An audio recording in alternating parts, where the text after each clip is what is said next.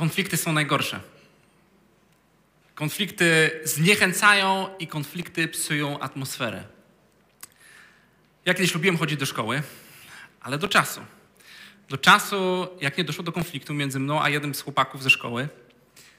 Yy, I nagle, nawet jakbym dostawał pieniądze za to, żeby mi, yy, żebym chodził do szkoły, to nie chciałbym do niej chodzić. No bo kto chce się z tym użerać? Siedzisz sobie na lekcji i nagle notujesz sobie, chcesz być dobrym uczniem i nagle patrzysz. Kulka mokrego papieru przykleiła się tobie naturalnie do twarzy. I myślisz sobie, oby się tylko już ta szkoła skończyła i chcesz z niej wyjść. Ale nie, stresujesz się tego. Ponieważ yy, kiedy kończą się lekcje, to po prostu musisz biec, biec do szatni. Bo jeżeli nie będziesz pierwszy w szatni, to znaczy, że ci zakoszą worek. Jak ci schowają worek, to później będziesz wracał w kapciach do domu. A szczególnie w taką pogodę nie chcemy wracać w kapciach do domu. No kto chce się z tym użerać? Ja kiedy y, pracowałem z młodzieżą przez wiele lat, ja słyszałem dziesiątki różnych historii konfliktów, konfliktów w szkołach, które doprowadziły do tego, że z powodu konfliktu ludzie zmieniali szkołę, opuszczali ją. I myślimy sobie, człowiek, kiedy dorośnie, no to wtedy już nie będzie musiał znosić się takiej po prostu dziecinady. Ale okazuje się, że z, w miarę czasu, jak dorastamy, to konflikty nie znikają. One stają się coraz bardziej i coraz bardziej poważne, skomplikowane, bo dostajemy pracę. Super stanowisko, bardzo dobrze płatne, długo o to zabiegaliśmy, dostajemy taką pracę, ale nagle – nagle pojawia się ktoś. Ktoś, który z niewiadomego powodu, okej, okay, może, może się domyślamy, tak, nie wiem, że jest zazdrosny, albo my coś powiedzieliśmy, co tej osobie drugiej się nie spodobało, więc ona sobie obiera nas za cel. Obiera sobie nas za cel, żeby uprzykrzyć nam życie. I nagle ta praca, którą tak bardzo robimy, którą się cieszymy, żeby chodzić, nagle przestaje być taka fajna. Nagle przestajemy chcieć do niej chodzić i szukamy już jakiejś nowej. Tam, gdzie nie będzie już tego konfliktu, gdzie w końcu rzeczy się rozwiążą i będzie fajnie, miło, spokojnie chodzić do pracy. Bo konflikty właśnie to sprawiają, że zniechęcają, konflikty psują atmosferę. Masz okrągłe urodziny i sobie myślisz, no to jest super czas, zrobię sobie duże przyjęcie, zaproszę wszystkich moich znajomych i będziemy świętować i cieszyć się, będzie super. Więc chwytamy za telefon, obdzwaniamy znajomych, obdzwaniamy, zapraszamy jedną, drugą, trzecią osobę i trafiamy na jedną taką, która mówi, a słuchaj, a tato będzie? Oni, no, pff, mówisz, nie no jasne, że będzie, to jest moja znajoma, no. No to słuchaj, wiesz co, to, to nie wliczaj mnie w tą imprezę. Ale dlaczego?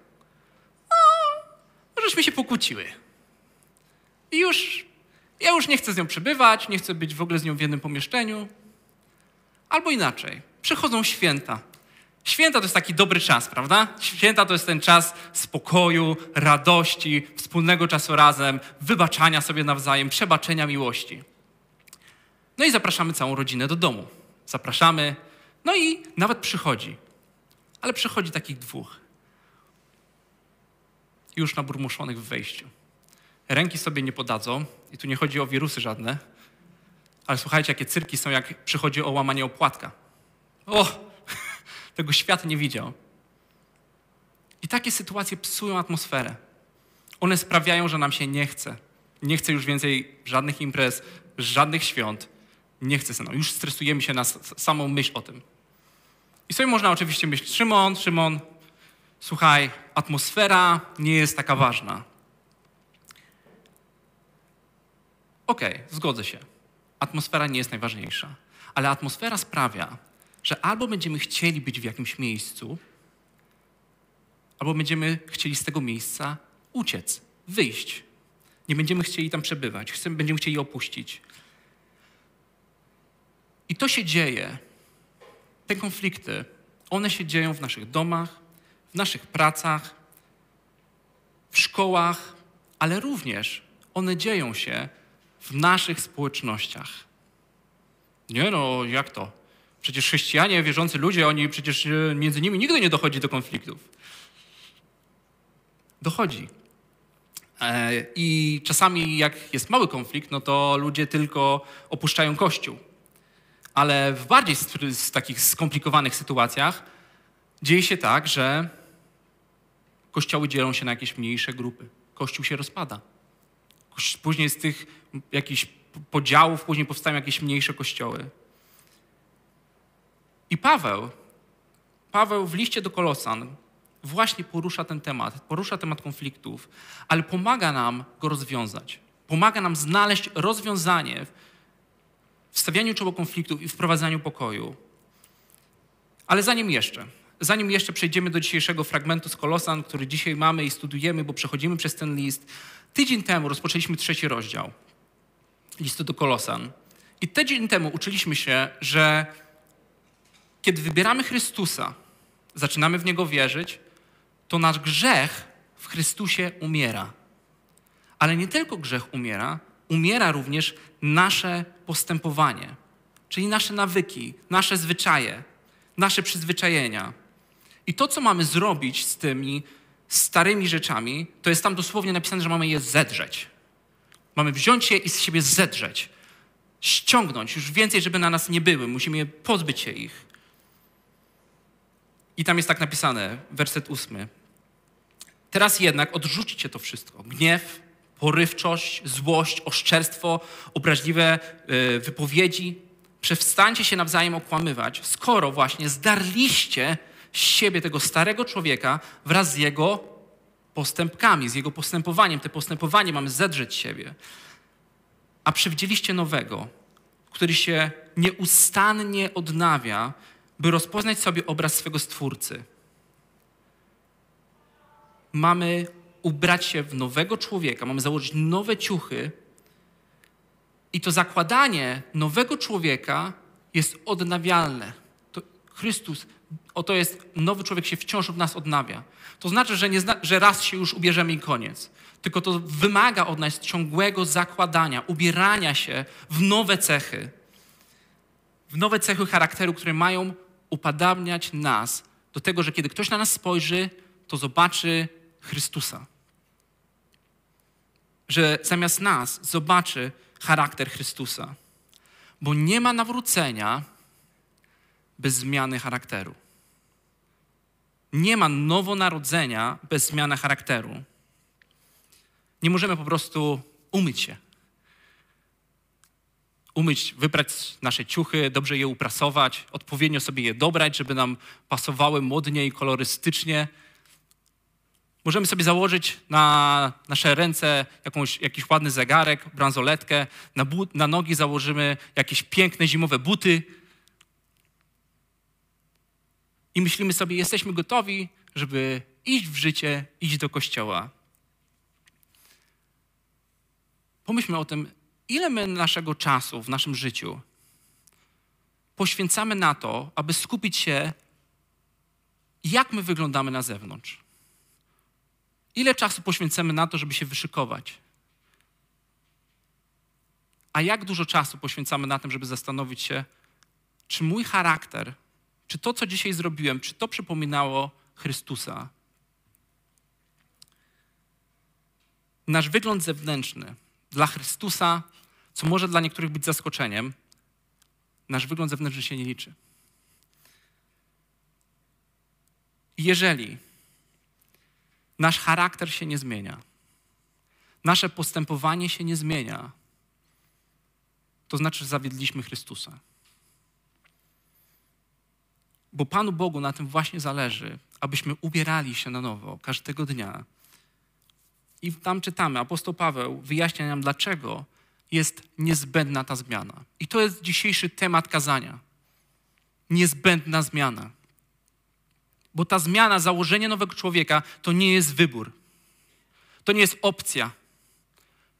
To jest decyzja, którą my mamy zrobić. Ona jest niezbędna. A jest tam napisane tak. Dlatego, jako ludzie wybrani przez Boga, święci i ukochani.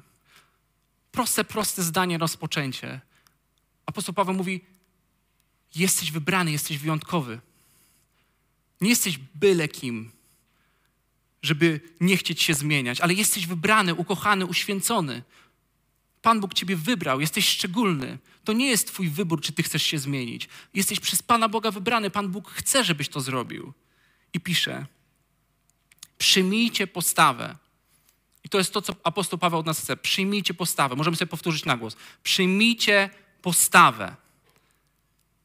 I to słowo, właśnie dokładnie, to jest to samo słowo, które jest używane przy tym zdzieraniu i ubieraniu się. To jest właśnie to słowo, które pięknie tutaj zostało przełożone. Mamy przyjąć postawę, aby nam jeszcze lepiej to, żebyśmy, żeby dla nas jeszcze to było prostsze. Mamy się po prostu ubrać, mamy przyjąć postawę serdecznego współczucia, dobroci, pokory, łagodności i cierpliwości. Pięć cech. I dopiero kiedy to założymy, czytamy dalej w 13 wersecie, jako tacy okazujcie jedni drugim wyrozumiałość, gotowi wybaczać sobie nawzajem, jeśli kto ma powód do skargi przeciw drugiemu. Więc jeżeli chcemy rozwiązywać konflikty i chcemy, by te konflikty w końcu wyeliminować z naszego życia, abyśmy mogli żyć w pokoju, potrzebujemy najpierw, najpierw potrzebujemy właściwie się ubrać. I dopiero ruszyć do rozwiązywania konfliktów.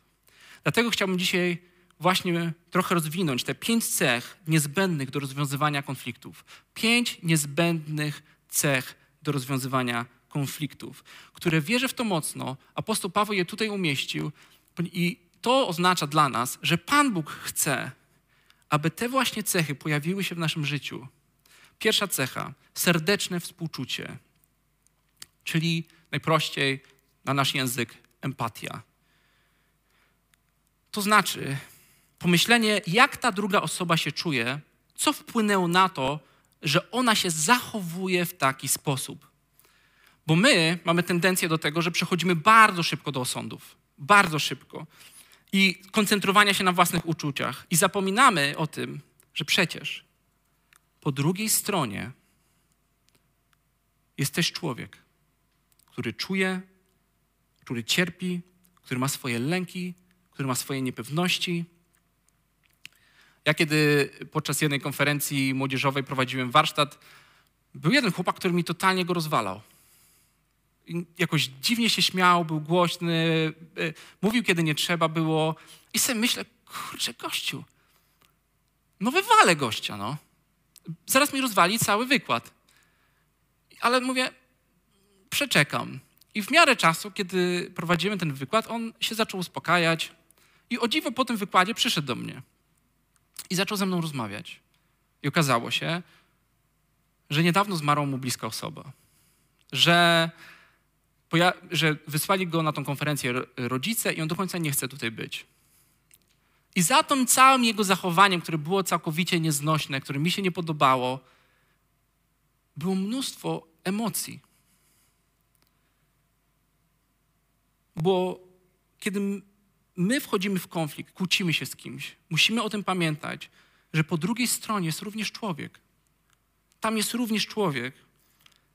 A my, którzy chcemy ubierać się w Chrystusa, czyli chcemy być charakteru Chrystusa, my mamy obli- jesteśmy zobligowani do tego. To nie jest wybór. My nie możemy nikogo skreślać.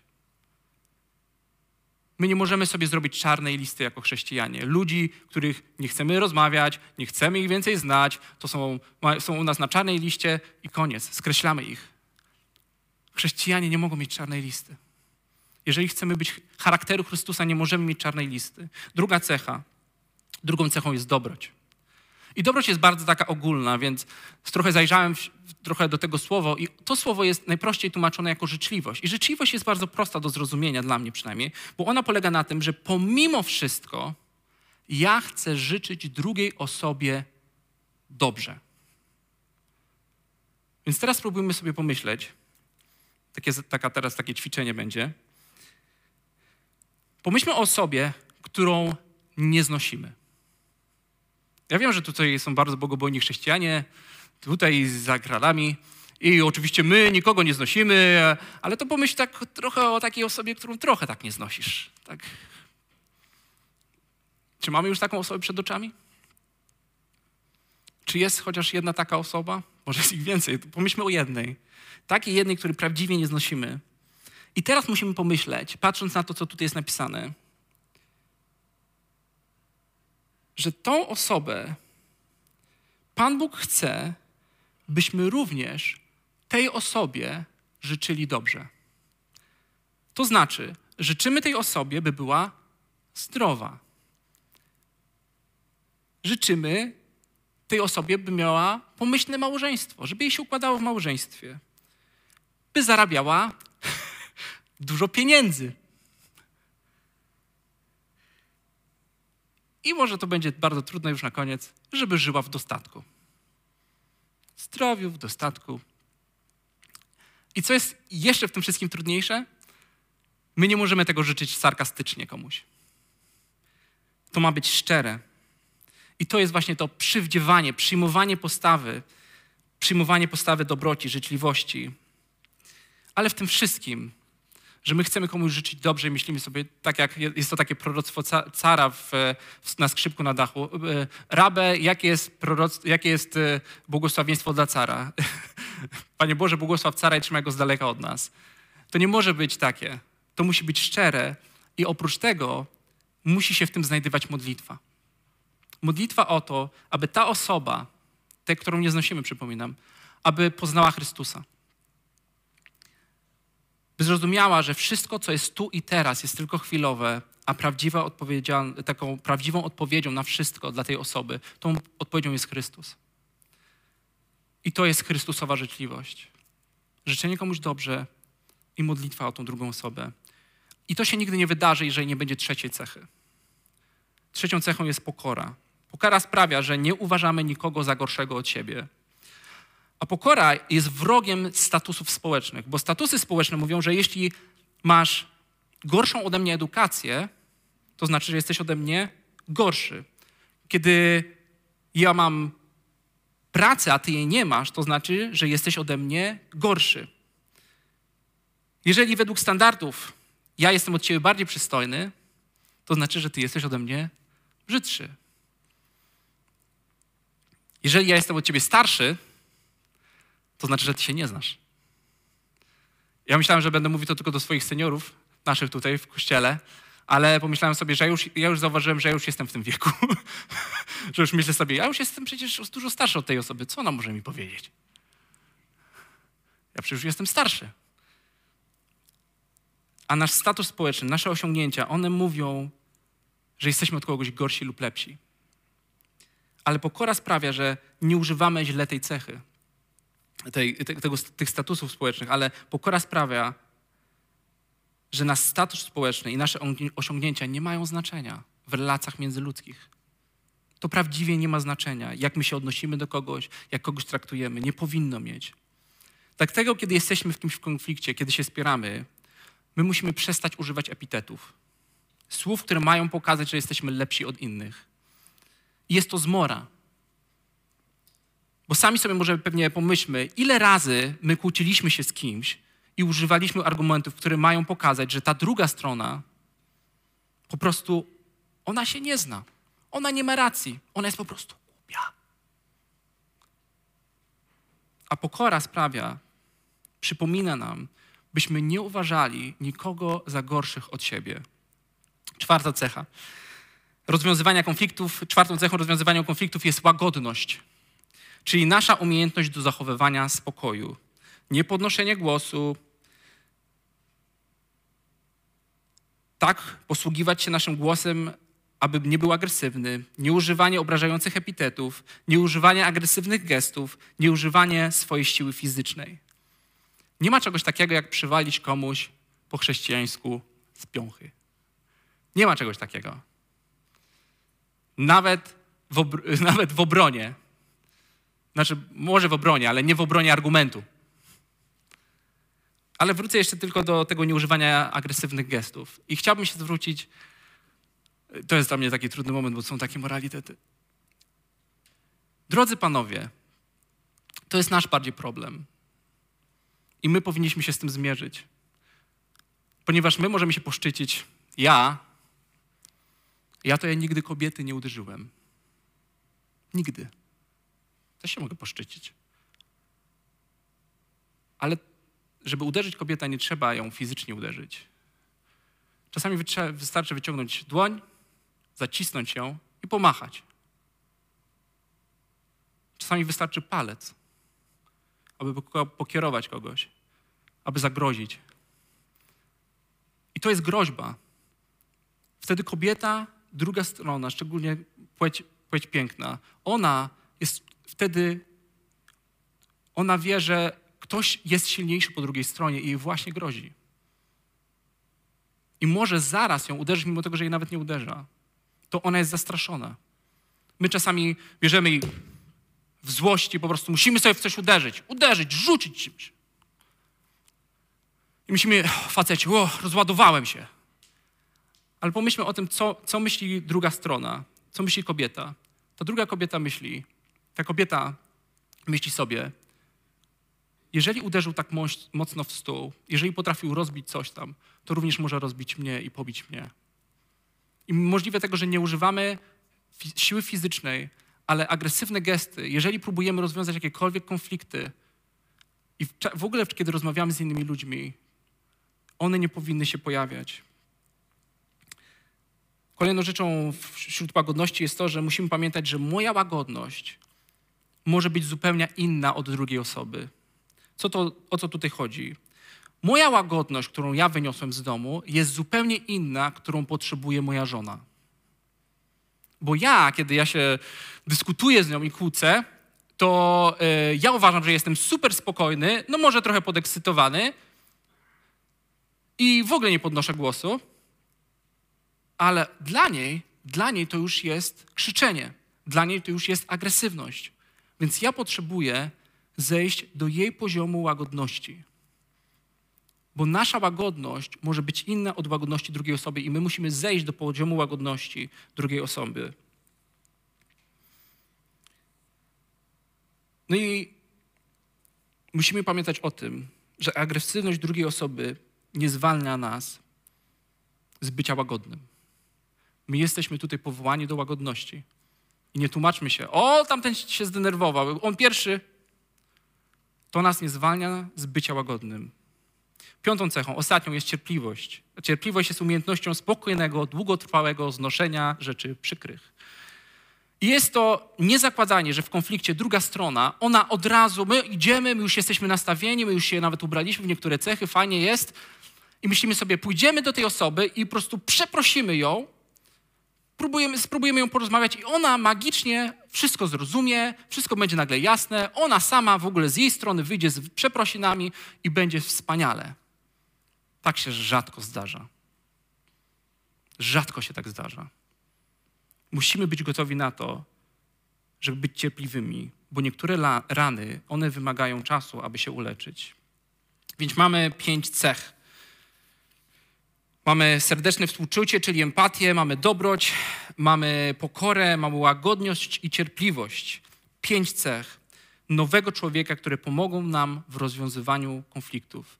Ja jestem świadomy o tym, kiedy ja o tym wszystkim mówię, że niektórzy z nas, my zostaliśmy poranieni w taki sposób, bardzo bolesny, że sobie nie wyobrażamy tego, żeby w ogóle chcieć pogodzić się, rozwiązać konflikt. Możecie mi powiedzieć, Szymon, ty nie wiesz, co ja przeżyłem.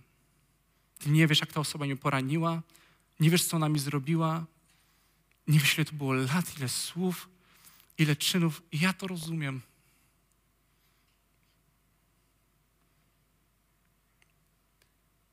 Więc dlaczego powinniśmy wybaczać? I apostoł Paweł, on mówi nam i tłumaczy nam dlaczego. On mówi tak. Jak Chrystus darował nam, tak czyńcie i wy. Bo skoro Chrystus, umierając na krzyżu, wybaczył mi, nie czekając na moje przeprosiny, tak ja powinienem wybaczyć najgorsze, nie czekając na przeprosiny. Z powodu Chrystusa chcemy to robić i chcemy rozwiązywać konflikty, bo my sami doświadczyliśmy przebaczenia grzechów. I powiem szczerze, że ten cały temat konfliktów, on się przetacza przez całą Biblię. I kiedy szedłem przez ten fragment dzisiejszy nasz, trzeci rozdział, 12, 17, to przeszedłem i nagle uderzyło we mnie, że całe prawo opiera się właśnie na tej myśli, abyśmy nie byli w konflikcie. kiedy zapytano Jezusa, co jest najważniejsze, Jezus co powiedział? Powiedział, najważniejsze przykazanie jakie jest. Kochaj Boga i kochaj bliźniego swego jak siebie samego. Dlatego apostoł Paweł w 14 wersecie dalej pisze: Przede wszystkim jednak kierujcie się miłością, która jest spójnią doskonałości. On mówi, spójnia doskonałości to jest dosłownie wręcz miejsce naszego, naszej dorosłości, miejsce dojścia i to wszystko jest otoczone miłością. Dlatego też zaczyna ten fragment o tym, że jesteście święci, jesteście ukochani, bo miłość jest spójnią wszystkiego. Okazuje się, że całe prawo mówi o tym, to kochaj Boga i kochaj bliźniego swego jak siebie samego. To chodzi właśnie o to, żebyśmy my nie byli w konflikcie z Panem Bogiem. Mamy Go kochać, mamy nie być w konflikcie z Nim, ale mamy też nie być w konflikcie ze sobą i nie możemy być w konflikcie ze sobą nawzajem. I okazuje się, jaki to jest niezwykle ważny temat. Kiedy ja zacząłem to studiować, to uderzyło to we mnie. I Jezus mówi, że to jest najważniejsze. Kochaj Boga, kochaj bliźniego swego. Bo Bóg nie chce, by nasze domy, by nasze przyjaźnie, by nasze małżeństwa, nasze rodziny, one, żeby się rozpadały. Bóg z tego powodu, On nie chce, żeby te konflikty również zniszczyły Kościół. Jak wspomniałem na początku, może dla kogoś to jest zaskoczenie, ale wśród wierzących również dochodzi do konfliktów. I apostoł Paweł nagle zwraca się do Kościoła już. Mówił szerzej, teraz mówi stricte do Kościoła. I mówi tak, ponadto 15 werset, ponadto w waszych sercach niech panuje pokój Chrystusowy. Jako ludzie tworzący jedno ciało zostaliście przecież do Niego powołani.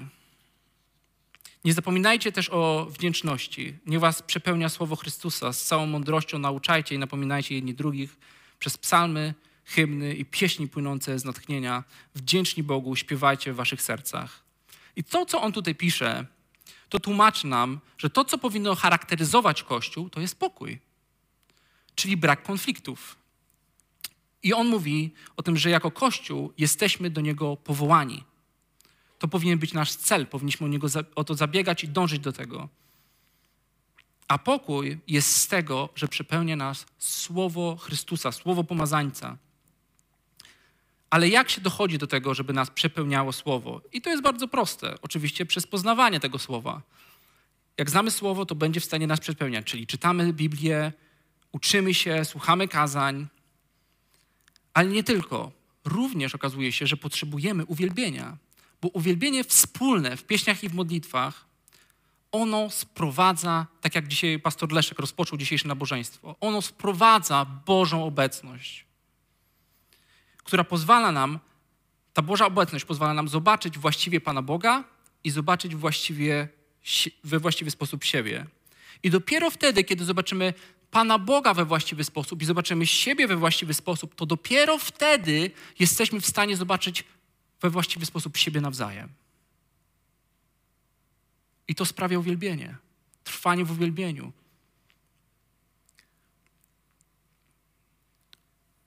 Właśnie to współczucie nagle się pojawia, dobroć, pokora, łagodność, cierpliwość. Zatem proszę Was, słuchajcie, e, e, nie chodzi tutaj o to, żebyśmy napominali się przez piosenki.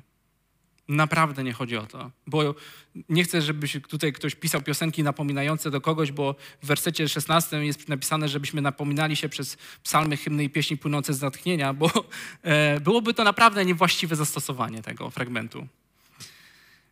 Ale właśnie o to chodzi.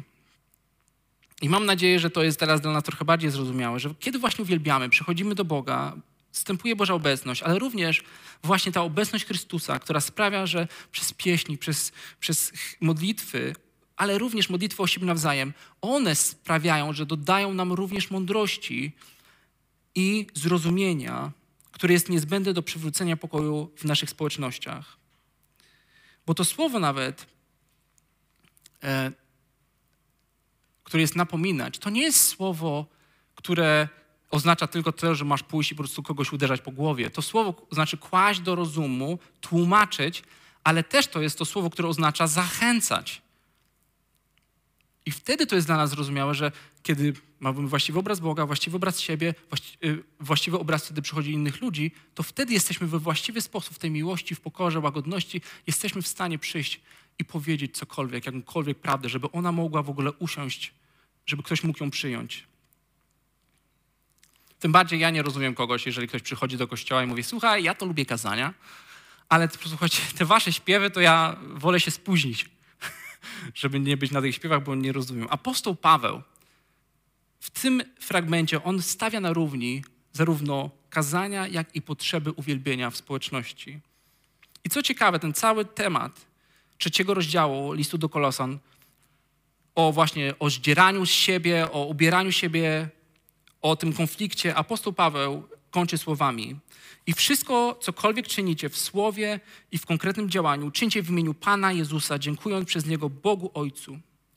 Dosłownie tak jakby próbował powiedzieć i podsumować to słowami, że nie ma już podziału na Twoje życie i Twoje bycie chrześcijaninem. Już nie ma tego. Nie ma podziału na sakrum i profanum. Nie, może być, nie możesz być inny w pracy i inny w domu. Nie możesz być inny w kościele i inny na dyskotece. Nie możesz być inny w towarzystwie, a jeszcze inny, kiedy nikt nie patrzy. I wszystko, co mamy robić, dosłownie mamy robić tak, jakby to Jezus robił. Kiedyś była taka fajna bransoletka. Yy, teraz nie jest ona już taka bardzo popularna. Było na niej napisane What would Jesus do? Co by zrobił Jezus? I ona była bardzo fajna, ja miałem jedną z takich bransoletek. Ona pozwalała mi, że gdziekolwiek bym był, ja musiałem sobie zadać pytanie, a co by Jezus zrobił na moim miejscu? To jest dokładnie to przywdziewanie. Co by zrobił Jezus? Mam ten charakter Chrystusa. I to jest to właśnie pytanie, z którym chciałbym zostawić nas, a, a wierzę w to, że Boże Słowo nas chce dzisiaj z tym zostawić pytaniem. Czy my podejmujemy się wyzwania przewdziania Chrystusa każdego dnia, na każdą okazję i zadawać sobie co chwilę to pytanie, co by zrobił Jezus? Co by zrobił Jezus w tej sytuacji? W czasie tej rozmowy, co by zrobił Jezus? Co On by zrobił? I mając dzisiaj taką wiedzę, mam nadzieję, prawdopodobnie tak samo jak Bóg, wierzę w to mocno, że będzie to początek, że będzie to początek, przewdziewanie będzie początkiem przywrócenia pokoju do naszego życia. A wierzę w to, że myślę, że każdy z nas chce pokoju. Jesteśmy do niego powołani. Ale również to będzie przywrócenie pokoju i też zachowywanie pokoju w naszej społeczności w naszych społecznościach, w kościołach. Wierzę w to mocno, że to będzie właśnie początek wprowadzenia pokoju w nasze życie i w naszych społecznościach. Powstańmy do modlitwy.